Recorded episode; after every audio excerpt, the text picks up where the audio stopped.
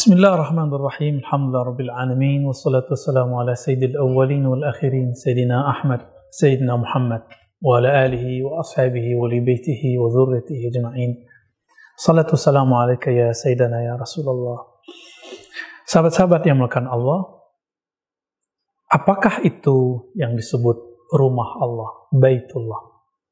Allah kan bukan jisim, bukan benda. Tentu Allah tidak butuh rumah, tidak memerlukan rumah. Lalu apa makna Baitullah? Baitullah berarti maudi'un fihi ibadatullah. Tempat yang di dalamnya ada ibadah kepada Allah. Apakah tempat menyembah Allah itu masjid yang ada bangunan megah, ada kubahnya, ada tangga yang bagus, ada jendelanya yang melengkung, ada kubahnya kubah Persia, ada mihrabnya, ada karpet permadani yang luar biasa tebal. Apakah itu yang disebut masjid? Bukan, itu disebut bangunan masjid. Maka Nabi mengatakan man bana masjidan, siapa yang membangunkan bangunannya masjid. Bina al masjid sebenarnya maknanya begitu.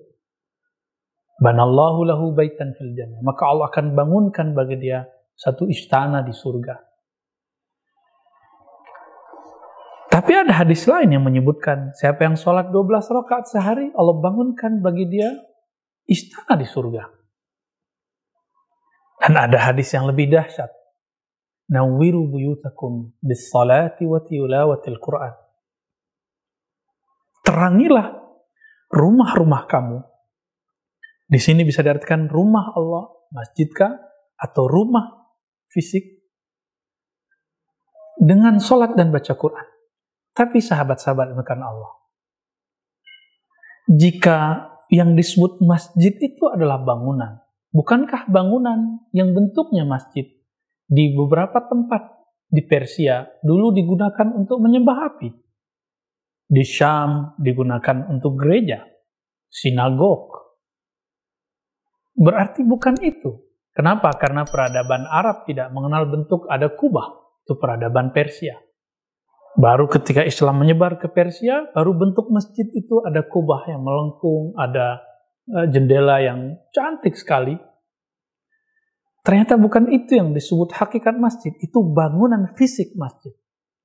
Apabila seseorang berzikir di dalam masjid, beribadah di situ, baru disebut ini masjid.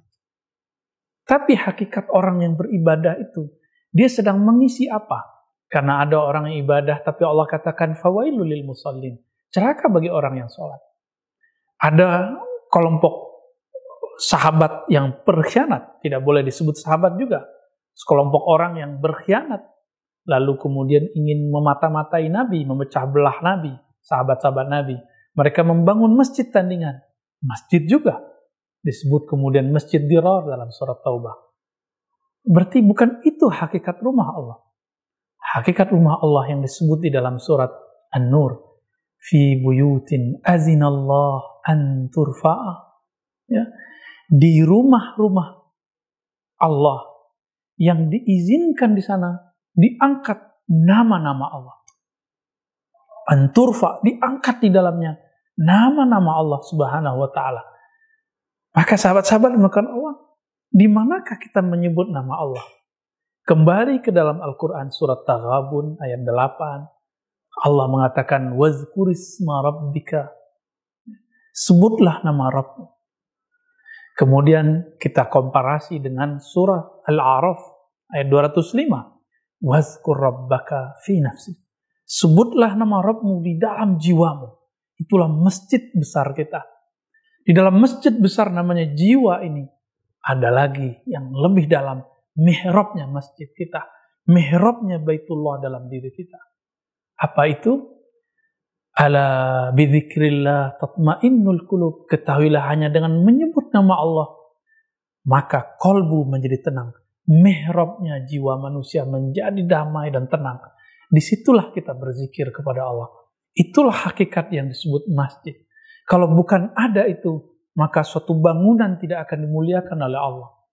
Suatu tempat yang secara bentuk, secara arsitektur, sudah bentuknya seperti masjid. Namun jika di dalamnya tidak ada ini, maka dia disebut masjid diror. Karena dia ingin memecah belah umat. Namun masjidnya sederhana, masjid Nabawi. Tiang-tiangnya dari batang kurma, anyaman-anyaman daunnya dijadikan sebagai atap atap masjid.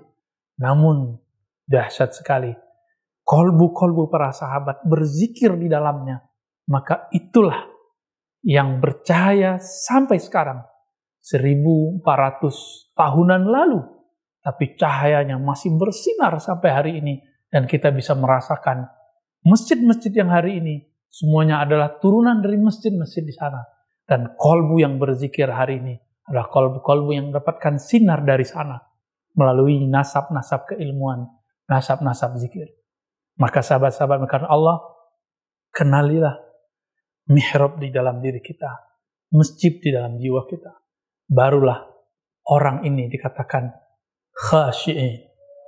Khasyi'un, orang-orang yang khusyuk kepada Allah Subhanahu wa taala.